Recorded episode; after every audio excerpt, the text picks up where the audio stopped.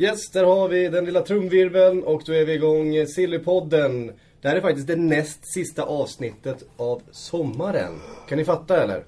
Det är, massor kvar att göra, det är massor kvar som ska hända och några killar som har massor kvar att göra innan fönstret stänger. Det är Patrik Sjögren, Kalle Karlsson och Marcus Leifby här också. Hej. Kuppade in sig själv i sista sekund i podden. Ja, jag har Välkommen! 20 minuter över här så jag tänkte att jag skulle höja upp det ett snäpp eller två. Mm. Jag kan slänga in ett silly rykte direkt. Som kanske inte har med fotboll att göra, men eh, i media Sverige. Ja. Ryktas det om att eh, en viss Sladjan ska göra comeback i tv-sammanhang. Kommer dyka upp här inom ett par dagar. Det ska Ny- bli väldigt intressant. Ny arbetsgivare, ja. Vi har satt Sladjan pratar vi om nu alltså. Spännande. Spännande. Men ska vi ta tag i gårdagens stora händelse på Old Trafford? Eh, United mot Chelsea, Rooney från start, Mata på bänken, analys, Kalle Karlsson kör. Ja, eh, det var ganska väntat att Wayne Rooney spelade från start. Eh, Moyes och United har gjort klart att han eh, inte är till salu. Och hade han börjat på bänken hade det ju bara spett på ryktena och då hade det varit ännu mer oro inför ja, sista dagarna av transferfönstret. Så att det var väl... Eh, dels var han ju väldigt bra när han hoppade in i premiären men eh, dels var det väl också ett sätt att visa att eh, det är här han spelar och det är här han kommer att förbli. Nu var han ju väldigt bra och visade dessutom eh, en väldigt bra inställning och eh, hyllades ju faktiskt av fansen. Så att, Och båda Det- fansen. ja, av båda fansen vilket var intressant. Och eh, Mourinho sa ju efteråt att det var, han var ju förvånad över publikens reaktion mot Rooney. Han tyckte att det var väldigt unikt att, att en spelare blir hyllad som ja, har varit så pass eh, på väg bort i alla fall så att han eh, han har ju inte gått ut klart i sommar och sagt att han ska stanna i alla fall. Nej, det, det, är inte- han har inte varit en bråkstake i den där klubben i, i tre veckor ungefär. utan Han har hållit på att bråka under flera säsonger. Fast lite snyggare än de andra gjort får man säga. Han bråkar inte i media på samma sätt. Han bråkar ju internt. Han har ju varit street smart på det sättet att han inte har snackat som Suarez. För nu om han stannar så, så kan ju inte fansen liksom bolla tillbaka på de där citaten där han säger att jag vill inte vara kvar och därför vill jag lämna. Utan då kan fansen leva i tron som de så gärna gör att, att, han, att det där var bara tidningsspekulationer och att han kan säga att nej men jag Men jag har var ju aldrig, felciterad. jag har aldrig funderat på att lämna. Utan, Men är, det någon, är det någon förutom Wayne själv och hans eh, tränare David som vet vad han vill egentligen? Ja, Mourinho uppgav ju igår att han vet vad han vill. Ja, och det, det Wayne han menar när han säger att personen som startade det här måste vara personen som avslutade. Är det Wayne han syftar på då eller? Ja, det utgår jag ifrån. Det måste det väl vara. Ja, det är inte Juan Mata i alla fall. Nej. Nej. Ja, vad sen är det säger, Mourinho också. vad, vad säger, vad säger, vad säger, är ju- din, din kelgris Ja, Kalle? det får man säga. Jag gillar ju Mata. Och eh, det var ju ännu mer intressant då att han inte fanns med i en uppställning som bestod av eh, till hälften i princip offensiva mittfältare. Och han var inte en av dem. Och eh, jag har haft lite på känn att eh, han inte är någon favoritspelare hos Mourinho. Man har läst det mellan raderna. Det Mourinho sa började ju- ryktas, det började ryktas så fort, så fort det pratades om Mourinho till Chelsea så började det pratas om att Mata skulle då vara på väg bort. Ja, han... Istället för att hylla Matta när Mourinho anlände så sa ju Mourinho lite kryptiskt att Matta vill jag lära känna bättre som spelare. Jag vet vad han är bra på, jag vet vad han inte är bra på. Eh, och det är inte riktigt så tränare brukar smörja egorna hos stora spelare när de anländer. Det är ju snarare tvärtom. Liksom, att de brukar höja dem till skyarna för att ja, positionera sig. Eh, så att eh, mycket intressant eh, om Mourinho skulle gå emot fansens vilja för att han är ju jättestor bland fansen Mata. Och eh, alltså det skulle inte vara populärt om, om Chelsea sålde honom. Men kan det inte vara en Mourinho-taktik där då? För när han kom till Real så tog han ju fighter med sportchefen och fick honom avsatt. Och det känns som han, när han kommer till en klubb, tar liksom någon sån där kille som sitter väldigt högt upp och, och liksom visar vem som bestämmer direkt för att sätta ett statement på något sätt och liksom få med sig alla på att han är ledaren. Kan det vara något sånt att han ska... Jag har svårt att se att han ska göra det mot en spelare. För tränarna vågar ju oftast inte göra det mot lagets eh, spelare. Men det, jag tror det är bara ett tecken på att han ser inte Mata som, eh, som eh, nyckelspelare i Chelsea. Jag tror att han ser Eden Hazard som, som eh, liksom, den spelaren. Och då pratar vi alltså om Mata som har blivit utsedd till Chelseas bästa spelare två, två säsonger i rad va? Ja, det har han nog blivit ja. Och i Ja. fjol var han ju en av ligans absolut bästa spelare. Eh, inte minst under hösten. Och nu, och nu pratas det om att han skulle lånas ut till Atletico Madrid. Ja, jag tycker inte det är helt eh, orimligt. För att jag tror inte Chelsea är så... Ja. Eh, Nej, jag håller med Leif Ben. jag eh, har svårt att säga att Chelsea skulle släppa han till någon av konkurrenterna i England. Och då, ja, vart ska han gå? Eh, Barcelona Tot- kommer Tot- inte Tottenham pratas ju om att de eh, redan ska ha visat sitt intresse för, för Chelsea-ledningen där och, och vilja köpa loss honom helt enkelt. Det vore ju en fantastisk värvning för dem med tanke på att det är precis en nummer 10-spelare de behöver nu och de löste ju inte William. Och... På, på, för, på, på förhand, ja men vi, vi släpper William till er så får vi Mata. Det känns ju som en överenskommelse de hade kunnat ta på förhand.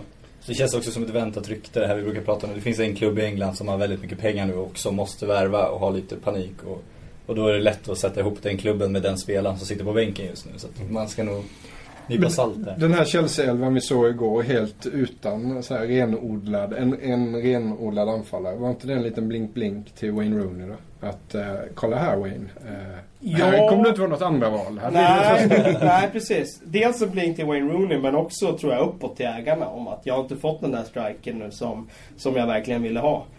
Eh, fansen lever ju verkligen i, i, i tron att Lukaku är den spelaren. Men Mourinho visar ju så tydligt nu att han inte tycker det. Det har spelats tre matcher för, i ligan och han har inte startat någon av de tre.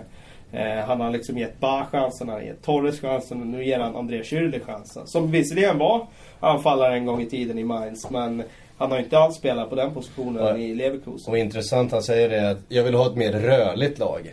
Den passningen till en Fernando Torres som ju eh, har beskrivits som en väldigt rörlig forward tidigare i sin eh, karriär. Kanske inte riktigt är det längre, men jag vill ha ett mer rörligt lag alltså. Här sätter Ja, det han Torres på Det bänken. var en råsop i magen på Torres måste det ju ha varit. Jag Men menar, är det inte Ja. blink till Guardiola också? Han tar ju lite Guardiolas tankar här. Att ta bort anfallen från fotbollsplanen. Och, för Wayne Rooney är ju också, han är ju en anfallare men han spelar betydligt mer längre ner i planen än vad en, en renodlad striker gör. Han snor ju lite i Peps idé här. Ja, eh, jag har svårt att tro att han i en sån här viktig match eh, vill eh, köra blinken till Pep. Skill, skill, skillnaden var ju att, att, att, att Schürrle faktiskt inte riktigt såg ut som en sån här falsk nia som, som eh, Pep då spelade Fabregas till exempel. Utan Schürrle såg ju mer ut som en, en nia. En djupledslöpande En- en djupledslöpare, ja. absolut. Eh, och eh, är ju extremt snabb och har ju de, de, de kvaliteterna som skulle kunna göra honom till en, till en effektiv nia i ett djupledsspel. Men han fick ju inga, inga sköna bollar att jobba på. Problemet för. Schürrle är ju att han passar ju inte som ensam anfallare, enligt mig. Eh, han skulle ju passa i ett eh, gammalt tandempar med en annan targetspelare. Då skulle han funka som anfallare. En Och Andy. Carroll. Ja, men typ. En Karsten Janker.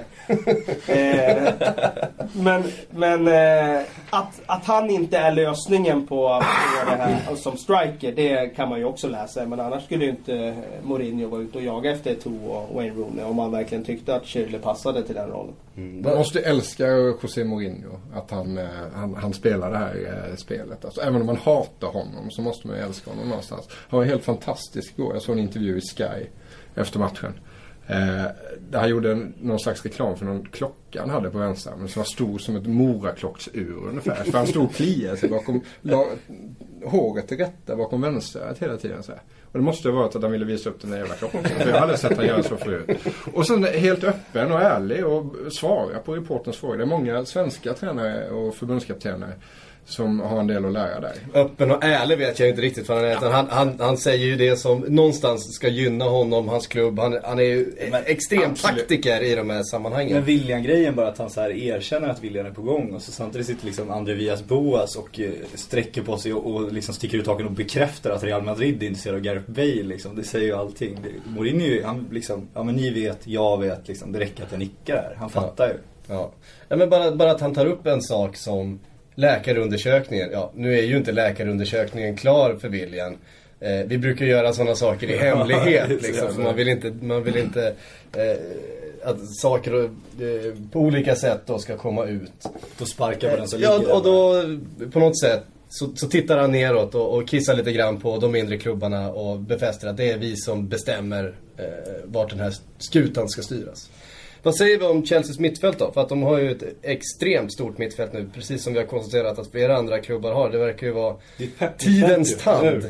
Ja, precis. Ja, men det är ju klass med, med Bayern Münchens eh, alla val egentligen. Ja, eller- Eh, eller Manchester Det är någon City. som måste ut och den mest troliga det är ju Victor Moses då som verkligen är överflödig och inte kommer ha en, en sportmössa till att få några spelminuter som läget ser ut nu. Så att, eh, att han försvinner på lån, det ser jag som ganska troligt. Det snackas ju om Liverpool där. Det är inte omöjligt. Mm. Men det är, en, det är en spelare som du tror han kan tänka sig släppa till en eh, konkurrent? Det är Ja, ju det ingen, det är ingen toppspelare på, på samma Nej, sätt det är som inget Mata. hot på det sättet. Eh, Så det tror jag han, eh, Liverpool känns, eh, ja, jag skulle nog säga det som troligt. Vad- Hur skulle han kunna förstärka Liverpool? Det känns ju lite grann sådär också. Man ska någonstans utmana toppen och vilja ta sig tillbaks dit. Så ska man då eh, ta andra sorteringen från ett Chelsea och stoppa in i startelvan. Ja, samtidigt har han ju en enorm potential. Jag tror att eh, skulle han bara få rätt miljö och alltså, en tränare som spelar honom så är han ju, han är ju en, alltså, en ytter som verkligen kan skapa chanser eftersom han är en av ligans bästa dribblers när han är på humör. Och i matte andra sortering av Chelsea så kan jag ta andra sortering av Chelsea alla dagar kan jag säga. Ja. Vad kan Atletico göra? Om de får låna Mato så har de fått David Villa för liksom en spottstyvel. Det är en hyfsad sommar får man ju säga. Ja, verkligen. Det skulle ju vara bingo att få han på lån också med Ja. tanke på att de det är ju inte en spelare som man får på lån i vanliga fall. Alltså sådana bra spelare brukar man inte få låna. Nej. Ehm, ska vi lämna Chelsea för en liten stund och ta oss ner eh, till, eller ner, vi ska ta oss upp till Arsenal. Till norra London och där är förstås ryktena eh, hej hit och hå, upp ner hit och dit. Det är den matematiska matrisen tror jag för Arsenals värvningar just nu. Hit och dit och hej och hå. Ehm, Benzema, Özil, Kabay, Di Maria. Kommer det här hända överhuvudtaget? Pardew gick ut och sa vi säljer inte till konkurrenter. Vilket uppenbar... Samtidigt så har han inte spelat med Kabay nu överhuvudtaget så att det känns som han kommer lämna. Det känns rätt solklart. Kabay eh, strejkar, är ju beredd att strejka sig Ja. bort. Han mm. strejkar ju nu tills det här är avgjort då. Och sen, han kommer vad det skrivs då, så kommer han inte fortsätta strejka då om, om han blir kvar. Det finns ju en klubb till där och det är ju PSG som har visat ett stort intresse för, för. Precis. Eh, Fast det känns som det har dött lite och jag har svårt att se. Jag tror att det är Arsenal ensamma i jakten där. Man ska tyda de senaste ryktena. Och jag, skulle tippa att han hamnar där. Det Är, det låsta förhandlingar? Är det där det har kärvat någonstans? Eller? För han, han var ju inte med i premiären mot City. Det är ju över en vecka sedan nu. Ja, han strejkar ju. Ja, Och det är ju en han- dålig strejk om han sagt att han Ja ska sluta det strejka budet, det budet Arsenal la där var ju alldeles för lågt enligt Newcastle. De vill ju ha 20 miljoner pund ungefär. Mm. Och eh, Arsenals bud tror jag låg på hälften. Mm. Bara uppgetts. Och Kabaye, det är kebaben va? Vi Det är om kebab. Det är kebaben ja. Eh, det man kan ställa sig frågan till det är ju att det kanske inte är den spelartyp som Arsenal behöver. Eh, det är ju en bollspelande mittfältare och sådana har de ju faktiskt. Eh, ett gäng, ska jag säga. Eh, det de skulle behöva är snarare en defensiv mittfältare som verkligen sätter prio på att städa framför backlinjen. En TOT snarare än en Kabay. Ja, en, En TOT TOT för, två år säsonger- sedan. för två Ja, år för sedan, två år sedan. Han hade gjort nytta. Mm. Jag tror jag ska lämna. Jag känner att det, det är för mycket Ja. manliga könshormon i rörelse i det här lilla, lilla rummet. Ja, då är det bäst att du lämnar för då kommer, då, då kommer nivån sjunka avsevärt. Alltså på söndag är det ju en hyfsad match. Jag antar att ni kommer...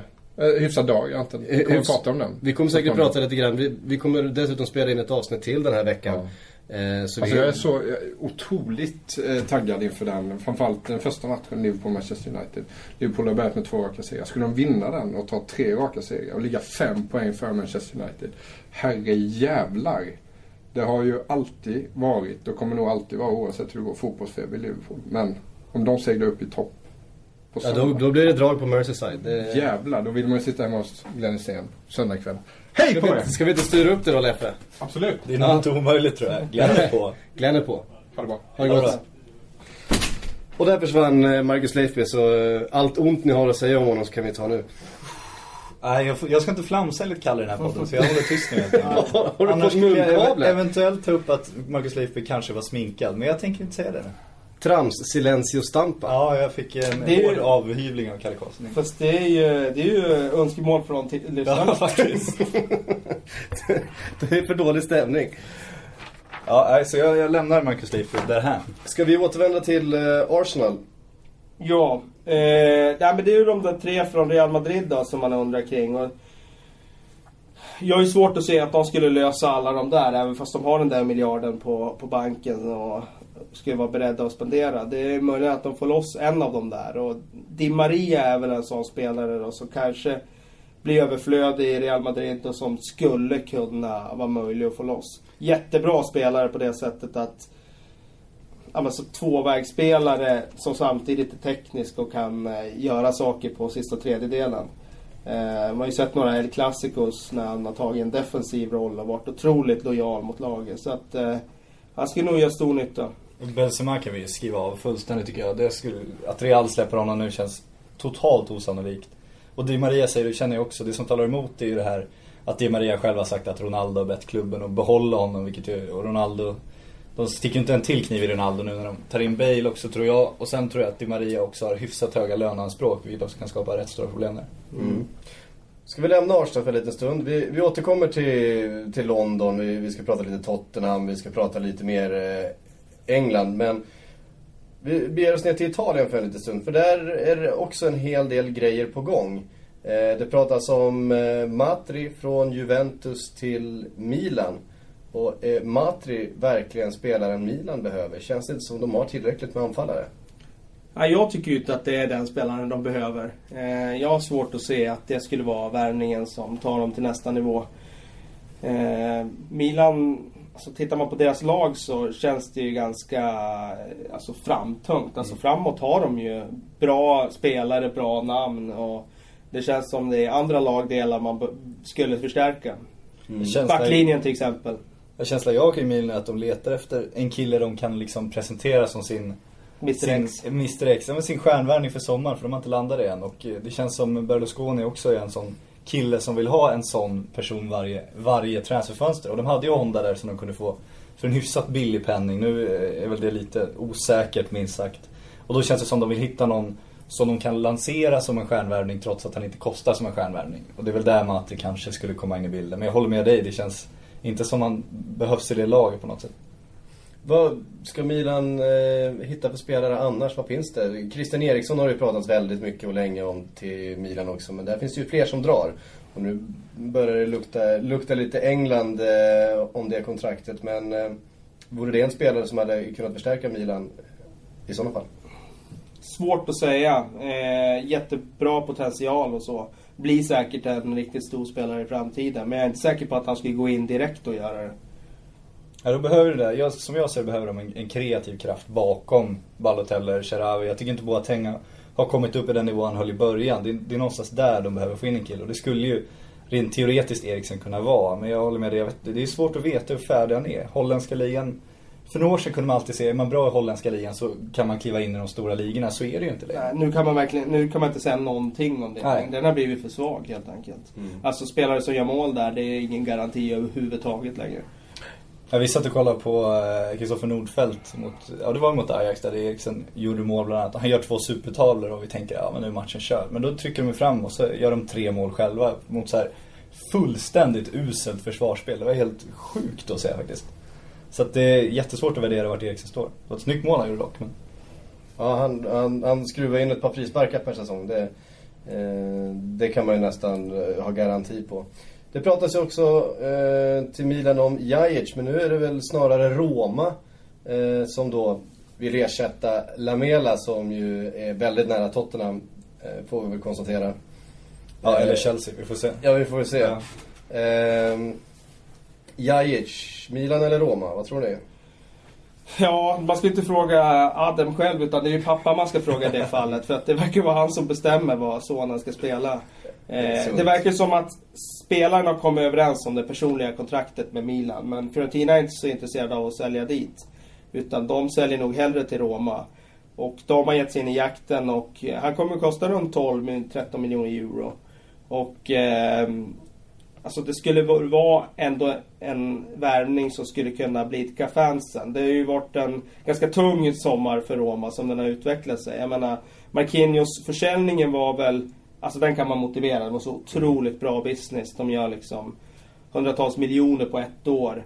Eh, men nu när man både släpper han då, som skulle vara den framtida försvarschefen, och om man nu då släpper Lamela Och de har släppt Osvaldo. släppte Osvaldo som ändå bråkade så pass mycket så att han var lite, ja, han var inte så omtyckt i klubben. Och det, det kan man väl också förstå, Osvaldo. Men eh, att man även då släpper Lamela då.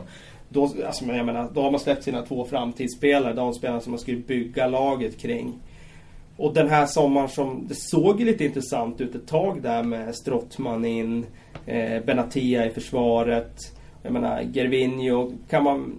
man kan tycka mycket om den men det är ändå en tränare som har haft han tidigare. Då kan man tänka sig att han kan få ett lyft under en tränare som känner honom som åren i Lill. Ja, men, hyfsat liksom men eh, till slut nu så är ju slutbetyget på Romas eh, sommar är ju att känslan är ju väldigt negativ nu. Mm. Sportchefen Sabatini är ju satt under ganska hård press. Så att han bör nog lösa Adem Lajic eh, för att komma undan med heden i behåll här nu. Eh, och Och där är, det ju, där är det ju klart att i Italien så är det ju Milan de bråkar med. Och i Italien är det ju fortfarande Milan den största klubben kanske. Ja, det är klart att de har sin eh, dragningskraft fortfarande även om de eh, spelmässigt kanske inte är som de har varit tidigare. Eh, men eh, alltså det var, det var någon som skrev att vi skulle prata om nedmonteringen. Önsk, önskar att vi skulle prata om nedmonteringen av Roma och det, det är ju eh, Alltså de behöver göra någonting nu här sista veckan här för att eh, Annars står de sig riktigt slätt. Mm. Ska bli intressant att följa. Vi stannar i Rom men eh, tar oss till Lazio. Det är ett, ett rykte om spelare som jag tycker väldigt mycket om och det är Yilmaz från eh, Galatasaray. Eh, en kille med målgaranti verkligen som ryktas vara på gång till Lazio. För ändå inte för extremt stora pengar. För en spelare som har levererat i Champions League och, och turkiska ligan i flera år. Vad tror vi om den värvningen? Det känns som en, jag tror inte att det kommer hända först och främst för att det känns inte som att Galatasaray kommer släppa honom. Alltså med tanke på att de sålde Elmander precis så är det svårt att se att de säljer honom så pass billigt så att Lazio har råd. Jag vet inte. Jag vet inte exakt var det kommer ifrån men jag är svårt att tro på det. Men det är klart det hade varit bra för Lazio framförallt att få in en sån kille. Vad snackas det om för summor? Ja, det snackas om en eh, 150-200 miljoner. Ja, det är ju rätt mycket pengar. Det är ganska mycket pengar men det är en, en, en bevisad eh, striker. Ja, ja, det, känns, det skulle ju vara spännande med han och Klose då om de skulle tänka sig att spela med, med två anfallare. Nu verkar ju Hernandez ha bestämt sig för att, eh, för att han vill vara kvar och spela och sådär. Han gjorde ju ett kanonmål i helgen så att eh, kan de få till det med att han är på humör och, och sen dessutom få in Yilmaz så ja, då ser det ju ganska bra ut där. Mm. Är det något övrigt lag i Italien som ni känner har underpresterat den här? Eh, Napoli har ju varit väldigt aktiva, Fiorentina har varit väldigt aktiva. Eh, Juventus har ju framförallt plockat in Tevez eh, som en rejäl förstärkning. Är det något av de andra lagen? Så Diamanti gick ut och sa att han blir kvar Bologna. i, i Bologna. Det är liksom, jag vill vara kvar, klubben vill ha kvar mig, fansen vill ha kvar, vill ha kvar mig. Det är inget att snacka om. Vi ska bara skriva ett nytt kontrakt. Det är detaljer ifrån. Det är ändå en, en landslagsspelare som då väljer bort intresset från det vi kan kalla större klubbar då. Ja, det är ju alltid intressant med de här så kallade provinsspelarna i Italien. Jag hävdar ju att han är en sån typ av spelare som kanske ska vara i en lite mindre klubb. Han har, kanske inte har den där riktiga eh, nivån för att kliva upp i en av de största. Så jag tycker han är helt rätt. Det är bättre att vara den största fisken där än att, att sitta längst ut på bänken i en av de större klubbarna. Det är intressant med med Udinese nu då, om de skulle missa Europa League här då, så ryktas det om att de kommer sälja av en del spelare nu innan fönstret stänger. Så det kan ju bli spelare över där och de har, jobbar ju med en väldigt stor trupp, eller en enorm trupp. Så att, eh, Genoa-trupp nästan. Ja, precis. Så att eh, det kan ju kanske bli Watfords stora lycka, jag vet inte. Ja. Ehm, Eller Granada i Spanien. Eller Granada i Spanien. Vi, eh, via Lamela tar vi oss tillbaks till England för att Lamela sägs nu vara väldigt nära och det, det, den hänger ju tätt ihop med Bale-affären. Man vill presentera Lamela för Bale ska presenteras Real, då får man vill ha ersättaren på plats. Man vill heller inte betala de här extra 100 miljonerna som man antagligen får göra när man värvar efter eh, att fått in en, en rykande färsk miljard på bankkontot.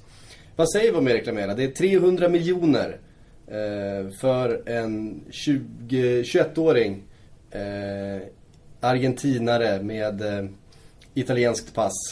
Är det, är det värt pengarna? Är han 300 miljoner kronor bra? Nej, eh, det är nog inte i min bok eh, idag. Sen eh, har han ju såklart en enorm eh, potential. Samtidigt så, det här med summorna som trissas upp, de trissas ju upp av en anledning. Och det, jag menar, även om de inte har fått in den där miljarden än så tror jag att det påverkar rätt mycket också ändå. Eh, så att man får ta de där summorna med en viss nypa salt. Eh, det är en jättelovande spelare.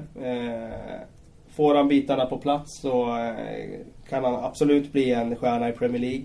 Men det är ingen garanti på att han går in och gör det direkt.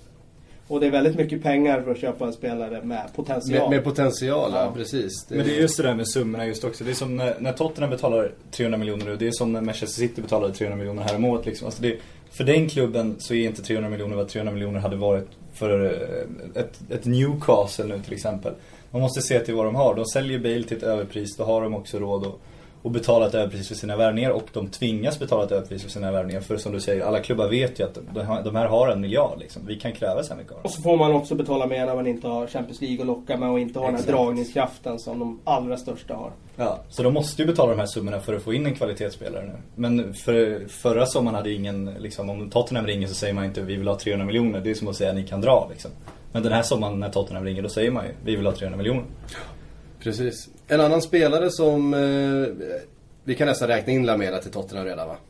Ja. Så- Ja, så- efter jag tror det. William Leksand så Efter- håller jag mig lugn här. De har ju egentligen inget val för att eh, de, måste ju, de måste ju lösa honom. Ska vi Så raka en Lamela-frisyr på, på Niva? Eh, gärna. Ja, kan vi inte hålla med i ungdomens dagar? Den frisyren vill jag se på Niva. Den här långa, lockiga, det här riktigt, Det, det, här, det, hade varit en syn, det hade varit en syn. Vi, får, vi har fått en del frågor om hur mår Erik Niva efter eh, och er som läst, vi som har läst den här krönikan från Hälsing kan väl konstatera att han inte har mått så bra. Eh, Det är väl ingen som sett Erik sen när William eh, blev Jag såg han idag. Ja, han var här. Han var här. Han gjorde en, Han har en, sig. En snabb visit väl? en allt annat än bejublad comeback. Han smög runt i eh, en stund där. Svår att Eh, spotta. Nej då, det var förstås tungt slag mot alla Tottenham-supportrar. Men det finns förstås rykten som eh, Lamela, men också Hulk. Som hos många eh, får pulsen att stiga igen. Hulk till Tottenham, vad tror ni om den här? Ja, det blir ju inte billigare än 300 miljoner, det kan man ju konstatera. Ja, det, är väl, det är väl eh, fullständigt orealistiskt om man ska vara helt ärlig. Det, Hulk vill väl förmodligen flytta kan man tänka sig. Det har ju minst sagt hintats om det. Men samtidigt så betalar de ju sinnessjuka summor när de köpte honom och de kommer ju inte släppa honom mycket billigare. Och eh, det gör ju att Tottenham nog... Jag har väldigt svårt att se att de skulle ta in Hulk nu. Sen kan man undra om han behövs för att eh, han spelar ju på högerkanten och vill gärna bryta in och ta skott med sin vänster. Där har ju faktiskt Andrews Townsend klivit fram och snott platsen från Aaron Lennon. Och, eh, han ser riktigt bra ut, Townsend. Så att eh, man, får, man får titta på värdet. Ja, det är klart att Hulk är kanske snäppet bättre. Men är det värt att lägga så mycket pengar för en spelare som eh, är bara är snäppet bättre? Om det ändå finns en spelare man själv har producerat och eh, som är på väg eller till och med riktigt- två då, för, för, för, för Lennon har ju varit bra de senaste Ja, då, ja precis. Eh, men eh, ja, han kommer ju egentligen från Leeds så att jag vet inte om Tottenham har producerat honom. Men eh, eh, jag skulle nog säga att Townsend är snäppet vassare än Lennon eh, för tillfället. Mm. När vi nu är inne på Tottenham så måste vi, vi måste ju ta upp det här med den andra budgivaren på Bale.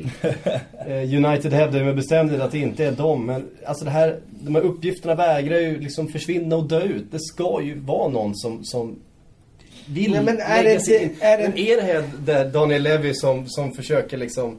Jag tror att det är eh, alltså på det sättet det förhåller sig. Att det är folk kring den affären som vill sprida ut att eh, Real bör vara lite mer angelägna om att få det här klart.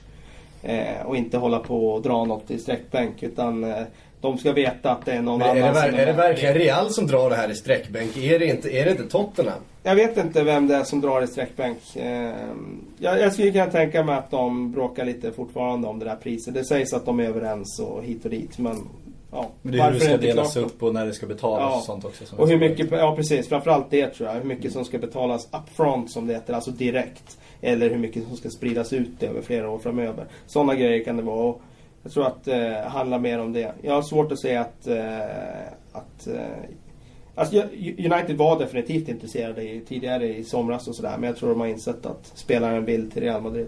Det går väl bara, alltså, om vi förutsätter att det finns ett tillbud, att det stämmer. Då är det så här, det finns Det är väl förmodligen bara United som skulle kunna betala den summan och dit Bale skulle vilja gå. För om man tar ett, Barcelona skulle aldrig göra det nu, Bayern München skulle aldrig göra det nu. Om vi går till PSG och Monaco, de skulle Ja. absolut betala summan tror jag. Mm. Men då skulle Bale säga nej tack, Ja. jag stannar.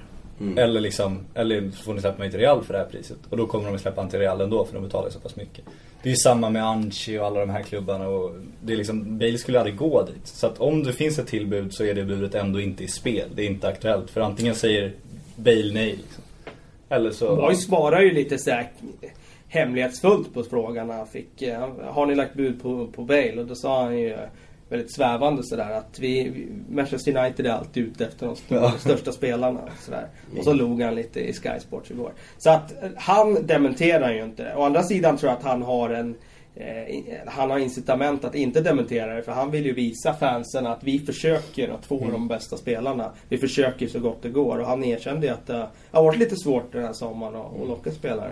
Och brittiska tidningar är ju mer eller mindre överens nu om att källor i United, men när alla har de källorna så brukar det stämma också, har dementerat att det är United som är ute efter dem. Så att det ser ju inte ut att vara United. Men det är klart Moyes vill hålla det där vid liv också, Ja, kanske det- för att störa Tottenham lite också inte annat. Där pratas det ju förstås nu igen om eh, Fellaini eh, till United då, och det är det där vi landar eh, i slutändan efter att ha jagat då Thiago, Cesk, eh, Özil. Ja, halva Europa. Ja, och, Ja, det- och, ja, Vi får men se nu i här nu med Özil skulle jag nog ändå säga är en... Eh, alltså det, det, det finns eh, en chans att få loss honom. Om man, om man betalar eh, Han har ju överpris. väldigt hög lön.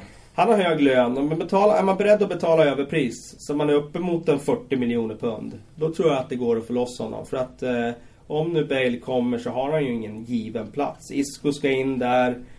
Eh, ja, Ronaldo och Bale kommer ju vara givna i startelvan. Ja, då är en plats kvar att slåss om egentligen bakom där. Det är han och eller Isco. Det är klart att Özil är väl bättre i dagsläget men eh, Isco har man betalat stora pengar för. Han är spanjor och eh, har börjat bra. Så att eh, Özil eh, kom- känner väl kanske att han inte får tillräckligt många spelminuter.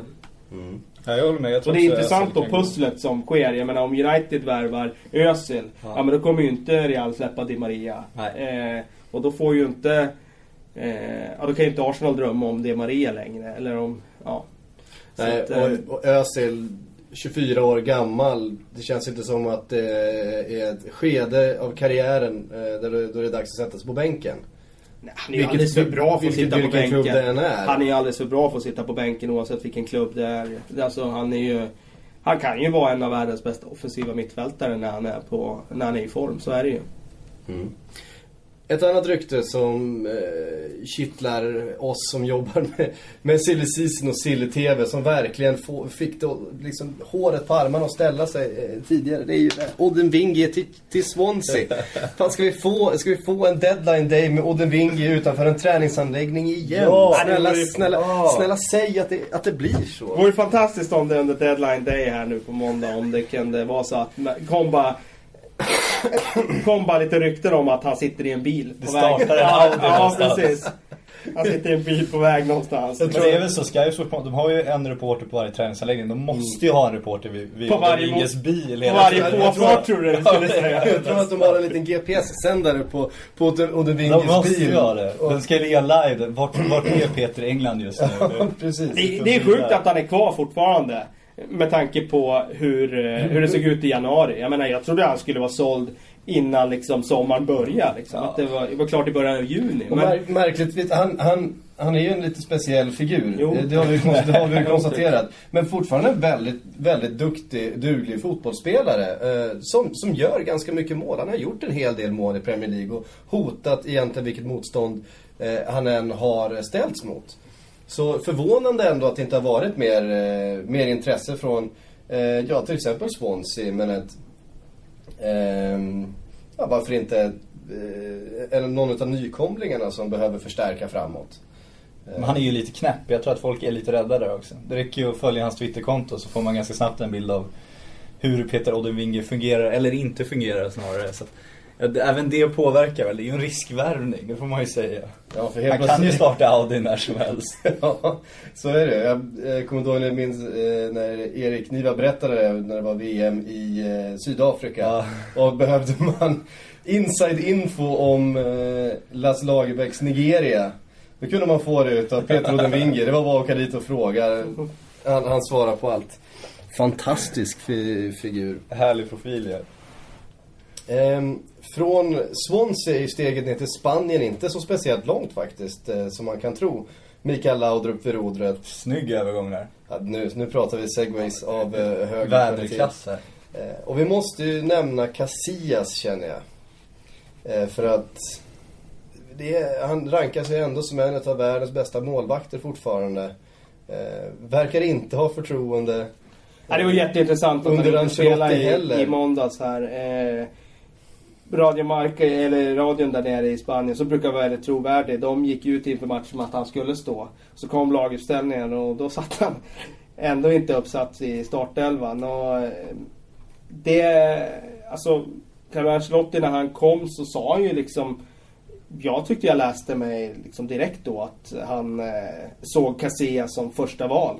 Eh, och sa liksom att Casillas han är så pass bra så att han ska ju självklart spela. Det går inte att bortse från det. Men eh, nu har det spelats ett par matcher här och han har suttit bredvid och han har ju uppenbarligen då inte imponerat eh, tillräckligt mycket på den nya tränaren. Och det ska spelas ett VM nästa sommar. Han lär ju inte vara sugen på att sitta på bänken fram till dess för då kommer han inte få spela. Nej, knappast. Eh, så att, eh, sen är ju frågan om... Det, det känns ju otänkbart att Casillas säljs från Real Madrid. Han är ju Ja. sån ikon för den klubben. Eh, så att det är svårt att ta in riktigt. Men det är klart att om han nu fortsätter sura, får fansen emot sig, ja men då, då, då är det inte omöjligt Det, att det sker. pratas om PSG, det pratas om Arsenal förstås. Och det och pratas om Bar- ja, precis. det pratas om Barcelona. Och det är ju... Det, det, vore, det, vore, det är ju helt otänkbart. Det, Ja. fansen, fansen skulle ju eh, vända upp och ner på... Eh, Ike Casillas liv skulle ju aldrig bli, bli sig likt heller. Jag tror, inte han, jag tror han är för kunnig i- om rivaliteten där för att, för att vara dum nog att göra den, den övergången. För han skulle ju, han skulle ju inte vara i fred resten av sitt liv. nej, vi kan ju ta liksom, titta på hur det var för, Luis, eh, för Figo. Ja. Och sen kan vi ta den situationen och gångra den med, med 3, 4, 5 eftersom Casillas är den han är. Ehm, men ändå att det ryktet dyker upp är ju bara Men det bara kan ju också vara, det är ju otroligt kittlande såklart. Men jag menar det, kan, det är ju ett sätt också för Barcelona kanske att, eh, Ja. du vet, eh, bara skapa lite oro i Madrid-lägret. Genom att bara, Och även för Barcelona-baserad media i Spanien och skapa Precis. lite oro i De, Madrid-läget. De, eh, är, brukar vara bra på det. de är inte se- sena på att försöka göra det. Men det känns som något har hänt bakom kulisserna. Det måste nästan vara så. För vi fick ju höra förra året att Mourinho hade varit i bråk med, med de spanska spelarna. Och det var Ramos och Casillas som, som ledde det upproret. Eh, och då försvann ju Mourinho och då tänkte man, men nu är Casillas tillbaka, nu är allt lugn och ro.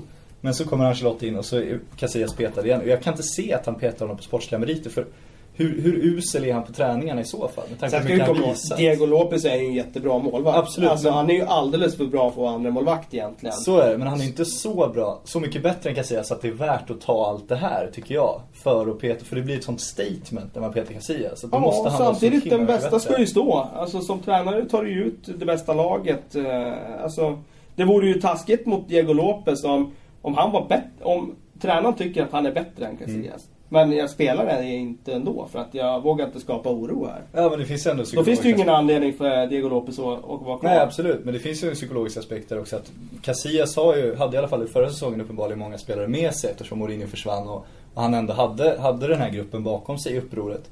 Det finns ju en risk då om man sätter honom på bänken att få alla de spelarna emot sig direkt som Ancelotti. Det, det är ju en enorm risk som ny tränare då. Ancelotti är ju så otroligt duktig på just det här med att hålla stämning i en trupp. Mm. Så att jag är förvånad att han har ändå då såklart att han har hamnat i den här situationen. För det tror jag inte han har gjort tidigare någon gång. Han är ju otroligt duktig i sitt man management. Och det det, det tyder ju också på att det finns någonting där som inte har, har läckt ut helt enkelt. Ja. Det finns, finns en fnurra som antagligen bara truppen eh, känner till. Kanske, kanske, kanske inte ens de andra i truppen men Real Madrids ledning och Casillas där någonting har skurit sig. Ehm, och det är klart, då finns det ju alltid intressenter för en världsmålvakt. Det vore kul om det hade skurit sig så rejält att han går till Barcelona bara för att jävlas med, eh, med Real då. Det hade ju varit ganska kittlande. Mm. Nu tror vi inte riktigt på det. Men man kan ju Eh, drömma. Barcelona, eh, å andra sidan, letar ju målvakt.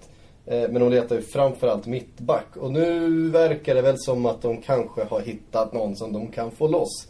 Eh, även om det inte är något världsnamn så är det Mangala från Porto. Eh, som då ska vara scoutad och klar och redo att hovas in. Är det en förstärkning utav den nuvarande mittbacksuppställningen? Eh, nej, men det är en enorm potential man köper. Det är ju en av de, ett av de stora mittbackslöftena i världen, skulle jag säga. Eh, så att det är en bra värvning. Och den summan det pratas om där också, det är ju väldigt låg jämfört med då vad PSG betalar för Marquinhos. Så att... Eh, skulle jag, loss, ja, jag såg en summa som nämndes runt 13-14 miljoner euro. Och jag menar, skulle man få loss honom för det så tror jag att man har en riktigt bra mittback i många år framöver. Så att eh, eh, det skulle jag verkligen ranka som det. Sen eh, får vi Men- se om, eh, om det är fler som lägger sig i där. Det snackas ju om att Manchester United också är intresserade där. Men frågetecken är att Porto släpper för den summan när de redan släppt James Rodriguez, Juan Moutinho och är en klubb som, som säljer dyrt ju. Det är ju deras stolthet på något sätt. Alltså, Verkligen. De är ju, precis som Daniel Levy i Tottenham så är ju Pinto da Costa en av Europas absolut bästa förhandlare. Så att, eh, att, att det kommer bli så billigt, det har man svårt att tro. Ja, det låter Men- märkligt. Mm. Eh, jag är faktiskt inne på The Guardians eh, update-fönster här och då kom det ett Arsenal-rykte. Eh, Joffrey Kondogbia. Mm, från Sevilla. Precis. There, there seemed to be a development on Jeffrey Kondogbia as well with Monaco appearing confident they will sign him in the next few days. Eh, en spelare som alltså har ryktats till Arsenal nu verkar vara på väg till Monaco. Ja, det var ju de två klubbarna som verkar vara ute efter honom. Och det är så svårt att slåss med Monaco och deras pengar. Så att jag, jag, man är inte förvånad liksom. Men vad gör Wenger? Han tar ju helt fel fighter. Det är ju helt eh, osannolikt. Han försöker liksom ta loss Suarez från ett Liverpool. Han, han slåss med, på scener där han liksom inte riktigt... Eh, han, han slåss ju mot betydligt större motståndare hela tiden känns som. Och då han hamnat i den här situationen där han inte får någon och alla vet att de är hans 30 val nu liksom. Jag tycker han har gjort en otroligt slarvig marknad. Ja, det, det, det, så är det ju. Alltså du har ju rätt i att eh, han har ju gått in på andra marknader den här sommaren än vad de har gjort tidigare. Och eh, han har väl kanske då fått erfara då att eh, det... Psyk viftar av, Nu, nu har det hänt grejer av glädje. Nu har det hänt grejer. Gareth Bale fails to turn up for Tottenham training idag. Han var alltså kallad till träning idag men har inte dykt upp. Kom för Vilka bara några minuter sedan. The Guardian. Ja, okej. Trovärdiga The Guardian, som Ja. jag alltid skriver i bloggen. Men då Trovärdiga är The Guardian. spelet igång kan man Då är väl säga. spelet igång. Vilket någonstans tyder på att det inte är klart det här. Nej, Gareth ligger ju i en pool i, i Marbella just nu och väntar på att det ska bli klart. Nej, han är tillbaka Han i är London. Han är tillbaka. Han är, till- Ja, han är tillbaka i London men har då inte dykt upp på träningen som han var beordrad till. Ja, men då är det ju tydligt spel från agenter och Real att han, han eh, kan man väl Han konstatera. är beredd att ta till ytterligare metoder för att få det igenom. Exakt. Du fick, gjorde ju en skön lista i helgen. Det var väl, eh, tappade jag namnet här. Men hur man tvingar sig bort från sin klubb. Ja, det var Robbie Savage va? Robin Savage som hade lite olika knep som han hade använt sig av och som stora spelare använt sig av. fantastisk personlighet. Gör det omöjligt och sånt där. Så att det här, men det här är ju en väldigt drastisk metod. Han var ju mer inne på det här att man lite mer ska börja slåss med lagkamrater. Lite subtilt, vara var dålig på träningarna och Hur, subtilt det nu är Ja. som med lagkamrater. lite mer oengagerad och sånt där. Och inte ens komma till träningen är ju, är ju ett, ett väldigt stort steg. Mm. Så det är ju strejk med andra ord. Väldigt. Men när det, gäller Wenger då, som vi var inne på med Arsenal, så... Alltså, det är en svår ekvation också. Även om du har den där miljarden och ska handla. Mm. Du har inte handlat på den här marknaden tidigare. Och nu vill alla fans att man ska gå in på den här marknaden. Mm. Men då får du slåss med de största också. Alltså de med störst, mest pengar. Men då måste du alltså, säkra en värvning redan innan fönstret. Det är som att man måste ta den där första signature-spelaren som visar för de andra att titta nu är vi igång. Man kan ju inte gå in, de hade ju gå in med det klar. Det hade varit en bra, en bra start tycker jag. För då hade man ändå visat att nu, nu menar vi allvar. Men då missar man Suarez istället och så står man utan, ja man står med Yahya Sanogo och Flamini då. Och då, det, det visar ju för alla andra att det här, det, det gick inte den här sommaren heller. Och då kommer ju inte en Suarez gå dit. Nu ville ju Suarez dit ändå, men det är för att Suarez... När det gäller just det Suarez-fallet så kan jag ju förstå dem. För att där hade de ju liksom... Ja, levde de ju i tron att de Ja. skulle få loss honom för... Men om, allt de går på känns som de siktar väl, om Benzema nu liksom. Det känns ju fullständigt orealistiskt. Ja, nej, vi får se om de lyckas. Intressant. Känslan är ju att, eh, det kommer hända, att de kommer vara mest aktiva av alla under deadline det blir väl day. en 2011 deadline day där och jag har ju redan flaggat för att de kommer plocka in Victor Moses för att jag tror att de kommer landa i sådana, den typen av spelare. Oj vilka är lediga, vi måste ha in någon. Och så flyger de in de som finns liksom. Ja, kan vara så. Ska vi börja bolla upp lite grann för, eh, inför deadline? För det här, det här har ju utan tvekan varit det mest händelserika transferfönstret eh, någonsin. Eller hur? Kan vi, kan vi slå fast det? Eller kan ni åminna er? Ja, kanske den sommaren när, när eh, Ronaldo gick. Ja, det var ju 2009 där. Då gick ju Kaká och Ronaldo och... Fast vi har ju dem ändå. Vi har Falcao, vi har Cavani, vi har de riktigt stora. Vi har haft Vi har Bale, rörelse, vi har- vi har, Bale, vi har haft rörelse på Rooney och Suarez ändå. Det har inte hänt något, men vi har haft de storiesen så att säga. Mm, Vi har ju hela Williams-soppan. Ja. Sen är det ju sådär att det skruvas ju upp av dagens medielandskap. Alltså med Ja, att absolut. hjulen snurrar så pass fort. Alltså förut, eh, innan eh, liksom sociala medier och det här. Då, då kom det en tidning en gång om dagen. Och då var det liksom... Stories hann ju dö innan de var tryckta. Mm. Så då trycktes de aldrig. Nu liksom basuneras det bara ut på två sekunder. Och sen snackas det om det i en timme. Och sen dementeras det efter en timme. Så alltså det, det är så det funkar. Samtidigt har en Neymar flyttat, kanske världens mest eh, spännande fotbollsspelare för en halv miljard också. Det, det har man nästan glömt bort. Så. Nej, men jag håller med. Det är det, är det, det, är det häftigaste fönstret hittills. Det är ingen tvekan om det. Och det visste vi ju innan den här sommaren att det skulle bli så. För det var många klubbar som var beredda att spendera stora pengar. Och några nya namn som liksom på något sätt har eh, presenterat sig mellan säsonger. Det är eh, inga okända spelare förstås, men eh, Thiago Alcantara, nu är han visserligen skadad. Eh, men seglade upp som en, som en världsvärvning ju, trots att han eh, inte har spelat en full säsong i ett A-lag. Eh, vi hade Isco från Malaga eh, som seglade upp som en världsvärvning.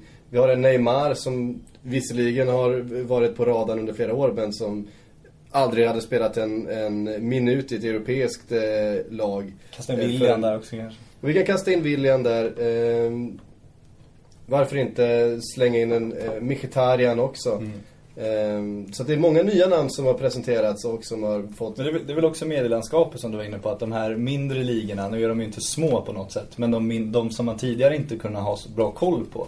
Nu är ju liksom alla spelare världskändisar om de slår igenom i, i Ryssland eller i Brasilien eller så att medielandskapet har gjort så att vi har ju bättre koll på alla. Det, är svårare, det gör ju svårare för, för tränarna också att göra fynd. Wenger kan inte åka till en, till en hemlig marknad i Frankrike längre och fynda spelare. Intressant att du säger, säger Wenger, för han sa ju häromdagen att media har hjärntvättat fansen. Mm. Vad ger ni för det, det citatet? Ja, men det var väl om Arsenals kris och sådär. Precis. Eh, ja, men det är väl lätt för honom att säga det efter två raka vinster liksom. Eh, men eh, gick man till eh, supportrarnas sinnesstämning efter premiärförlusten så tror jag nog inte att de var, eh, om man har en annan uppfattning, att det var ett alarmerande läge. Och sen är det han som, han har hjälpt till att bygga upp förväntningarna. Han gjorde ju hela den här Suarez-grejen och då, då tror jag ändå fansen att nu är de här stora grejerna på gång och även eh, ja, men, ägarna och alla har ju varit ute och sagt att det här sommaren ska vi, ska vi verkligen agera och de, de har ju själva satt sig i den här situationen. Sen är ju den sportsliga krisen, det har jag försökt, eller det har jag tyckt hela tiden också, att den är ju inte så stor. De har ju samma lag som gick till Champions League men de andra har förstärkt, men de har ju ett bra lag, absolut. Men de har ju själva byggt upp förväntningar att de ska bli ett ännu bättre lag nu och det har de ju inte blivit. Och sen är det där fansens eh, konstanta önskan att ens klubb ska ta nästa steg. Eh, man vill inte gärna trampa vatten, även om man är som Arsenal och trampar vatten på en Champions League-position i Premier League. Ehm, Inte när man ser hur alla andra springer iväg. Men känner ju verkligen det att de andra med diverse oljepengar och annat har ju verkligen byggt ifrån på något sätt. Så att det, det gäller ju att de hänger på nu. Jag tror de inser det också. Att snart kan det vara kört annars. För tappar man den där luckan, den är ju enormt svår att ta igen. Hamnar man väl efter, då, då är man efter mm. eh, det har faktiskt kommit mer på Guardian här. Eh, Luciano Spalletti säger förresten idag att Hulk inte är till salu. Så att, Ja, det var det. eh, så att Ja, det, det var inte det, alls nej, det är inte alls det, men, det. det han säger i alla fall det. Ehm, Nej men Hulk den summan, du får lägga en halv miljard då. Så. att- Eh, vi kommer här också att eh, Liverpool, they are definitely keen on bringing in, bringing in Victor Moses. Eh, och lägger man där, där då till Brennan Rodgers och Mourinhos eh, vänskap och tidigare samarbete, de har ju varit väldigt nära varandra. Eh, så kanske det är en, eh, en, en trolig övergång, precis som du var inne på Kalle.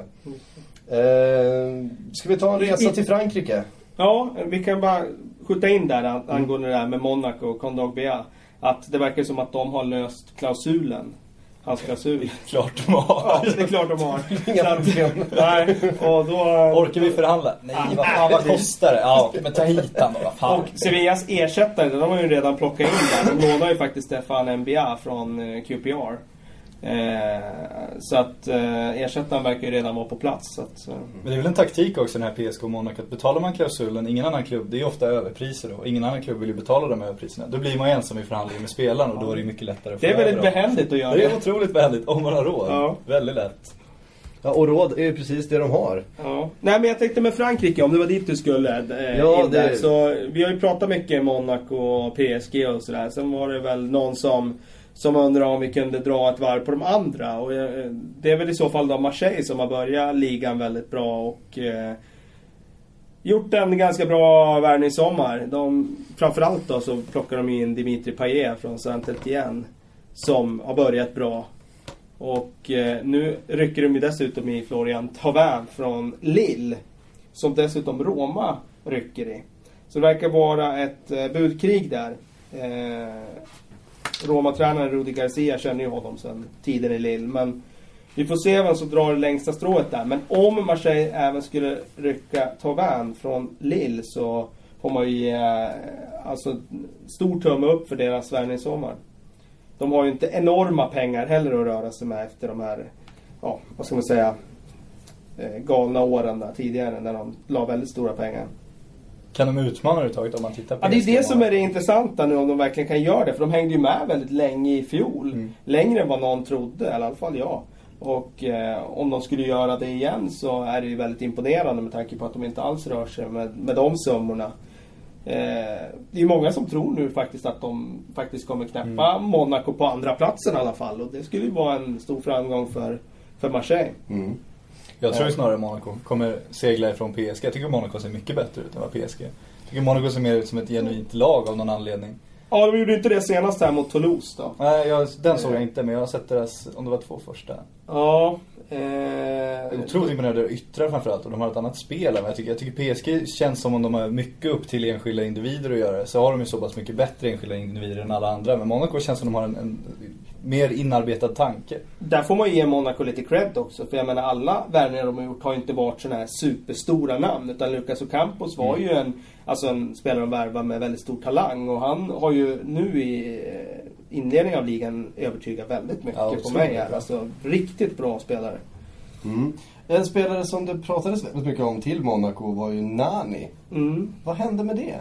Där är det ju snack om att eh, United har satt ett, en prislapp på 13 miljoner euro.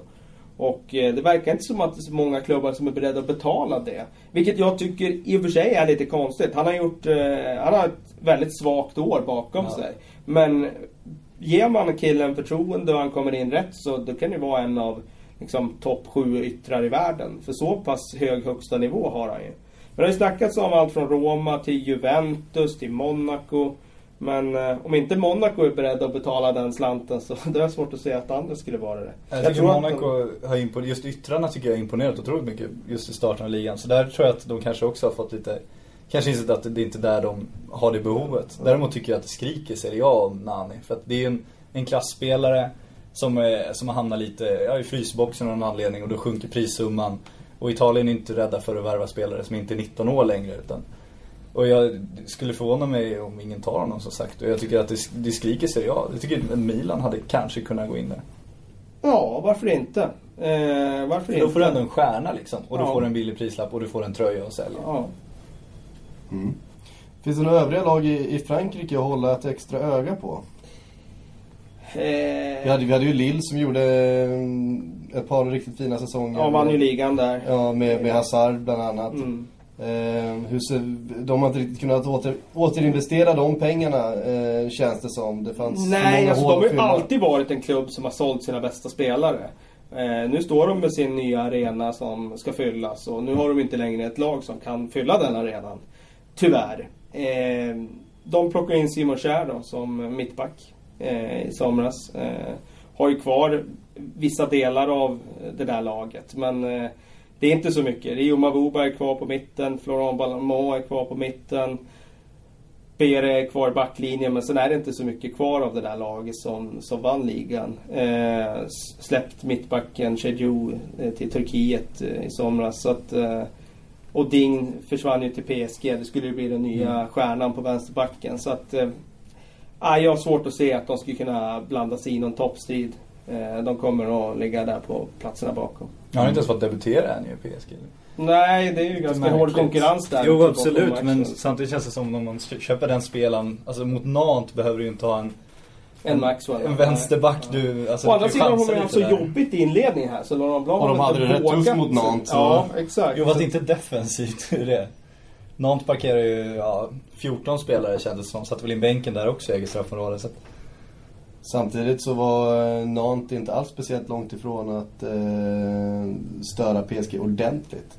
Eh, Alejandro Bedoya ja. Just det. var eh, faktiskt eh, bara en eh, par fingertoppar ifrån att eh, nicka in en, Ja, fast det handlar ju inte om att en de pressar tillbaks PSG på Nej något men sätt. de, men de skapade en del mot Absolut, dem. Och, och, men det jag menar att och PSG hade ju svårt med, med just tätheten i laget att, eh, att behålla trycket och, och nu skapade de förstås väldigt mycket.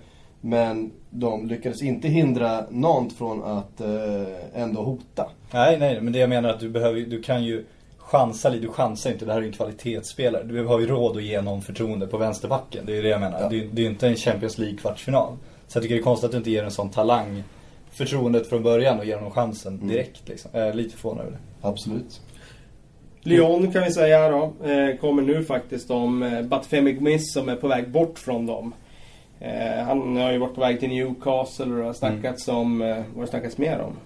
Fler engelska klubbar va?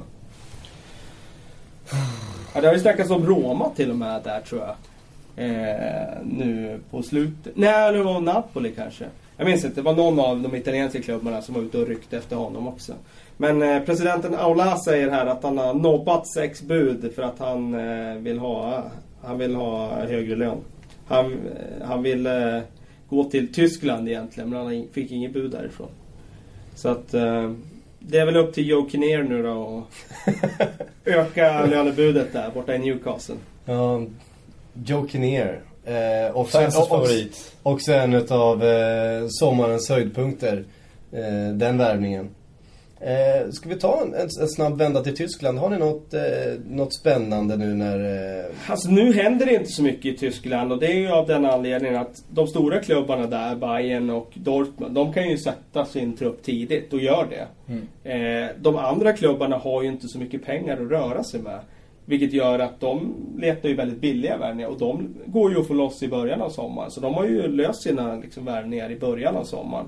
Så att Tyskland, de är ju ingen liga som där liksom det här med deadline day och det här, eh, det, det, det blir inte så stort där. Utan eh, jag menar, det, det händer inte så mycket i Tyskland. Det jag tycker är spännande var det här Lewandowski-fallet nu när Dortmund alltså har mutat kvar honom mer eller mindre. De har höjt hans lön med... jag fick det- 35 miljoner Ja, per år. men de har inte förlängt hans kontrakt. Så det går fortfarande ut nästa år. Han kommer gå till Bayern München nästa år. Men de ger honom så mycket pengar för liksom, håll käften och prestera. Det var ju för att motivera spelaren och jag tror att Dortmund kanske känner själva också. Han påstår ju att det har brutits löften och Ja. sådär. Och det, de kanske känner själva att de har gjort det på något sätt. Det där Det vet vi ju inte vad det består i idag. Men, men det var ju ändå en snygg gest av Dortmund tycker jag. Ja, att, väldigt jag menar så här, väldigt generöst. Jag menar, det var ingen dålig löneförhöjning. Utan från 15 miljoner Plus har de på 35 miljoner det här året i hans lönekuvert. För att visa att ja, men, nu, nu får du fan prestera under det här året. Ja. Och det kan ju vara värt det. Om Det kan absolut vara värt Champions det. League, Så Absolut. det ju återbetalt direkt. Ja, jag tror det var en riktigt bra business av dem. Jag menar 35 miljoner är ju ingenting i sammanhanget så. Och så får de en helmotiverad Lewandowski som vill betala tillbaka. Han gjorde ju mål här i helgen. Så att, Och kan vara värdefullt när man ska värva också och visa att ja men du går in på den här lönen men om du presterar precis som Lewandowski gör då anpassar vi din lön efter din prestation helt enkelt. Så att det är också det där just eh, vara snygg mot sina spelare kan ju löna sig när man ska försöka ta in andra spelare. Så. Dortmund som ju fick släppa Götze. Men som ändå ser otroligt starka ut inför den här säsongen också, eller hur? ja, verkligen. De har ju gjort jättebra eh, värvningssommar för att täcka upp den eh, värvningen. Jag menar, Mkhitaryan ser jättebra ut. Aubameyangs start i ligan var ju fantastisk med hattricket direkt i debuten. Eh, passar perfekt för deras omställningsfotboll. Eh, nej, de, de ser jättebra ut. Och sen ska man komma ihåg, de har, de har ju byggt sitt lag kring unga spelare. Så de blir ju förhoppningsvis då ett år bättre när det går ett år. Så, och det är inte alla lag som blir det. Jag är imponerad också av att de klev in nu i ligan och det såg precis ut som när de avslutade ligan. Man såg ingen som helst skillnad. Många lag så ser man ju de första matcherna, vi brukar prata om det framförallt i Italien, att Italien, de joggar igång de fem, sex första omgångarna. Och man ser det även på storlag tycker jag. Men just Mon eller Monaco Dortmund, det var liksom bara rakt in och så, jaha, ja, nu, nu är vi igång igen. Rykande färskt här. Ska vi ha en nyhet? Ja, Rykande fan. färskt här. Osama Asaidi är eh, och läkarundersöks hos Stoke.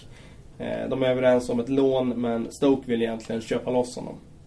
En magiker. Eh, Med bollen, absolut. med- i, I sina bästa stunder men har haft eh, väldigt svårt att anpassa sig till, till eh, Brendan Rodgers eh, mer passningsorienterade spel. Han är ju som sagt väldigt bra med bollen och gör gärna en, två, tre, fyra gubbar för att sen eh, köra fast på någon nere vid hörnflaggan. Ehm, och det, det är inte så vägvinnande eh, alla gånger. Nu så eh, börjar eh, Sjögren peka åt alla håll och kanter Sjögren peka åt alla håll. Sjögren Eh. ska åka och träffa eh, Sjögrens bästa vän Erik Hamrén.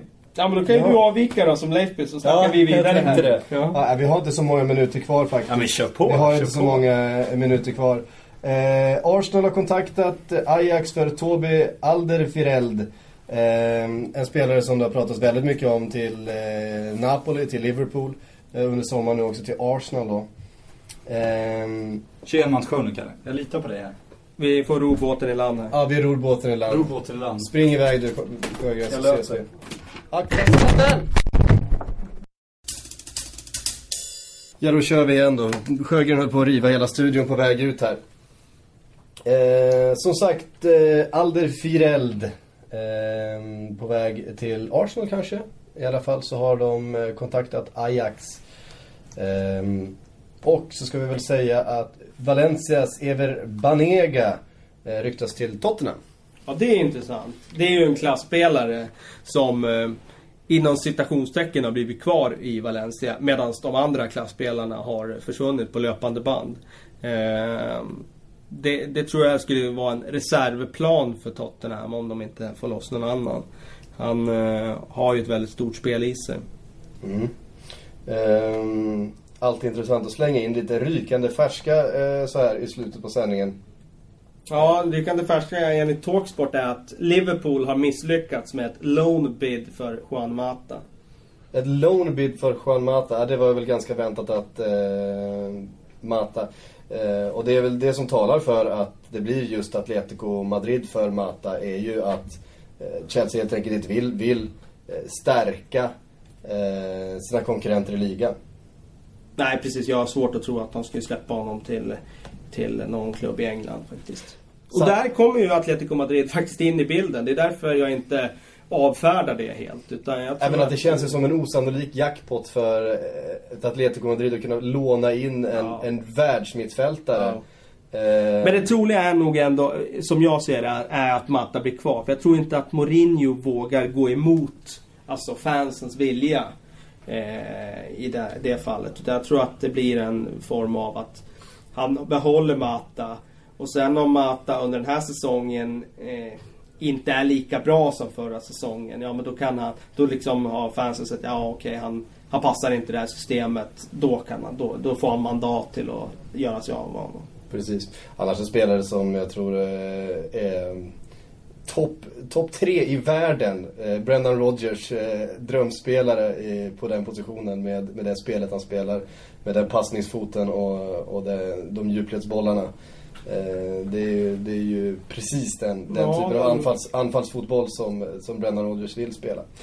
Eh, med det sagt så, så är det en värvning som, som eh, Chelsea-fansen förstås inte vill eh, ska ske. Kan få in lite Bundesliga här. Ja. I och med att finländaren Teemu Pukki från Schalke verkar vara på väg till Celtic faktiskt. Jaha. Han var ju glödhet ett tag, Teemu Pukki, när han eh, var ny där i Schalke och var, eh, ja, men gjorde mål och ja, var riktigt bra. Men eh, nu har han hamnat i kylan och verkar inte alls finnas med i, i planerna där hos Jens Keller. Så att eh, han, eh, ja, det verkar bli Celtic där. Mm. Det är det Scotsman som rapporterade. Mm. Ehm, också ung och, och lovande fortfarande ju. Ehm, intressant värvning till eh, Celtic. Ehm, med det så börjar det faktiskt bli dags att runda av här. Vi påminner förstås om eh, måndagen den 2 september. Vi kör från 12 på dagen till 12 på natten. Eh, fullständigt sanslös, heltäckande bevakning av allt som rör fotbollstransfers i hela världen. Du kommer vara där, Kalle. Jag kommer vara där. Nästan hela kvällen. Lite, lite pauser ska du få.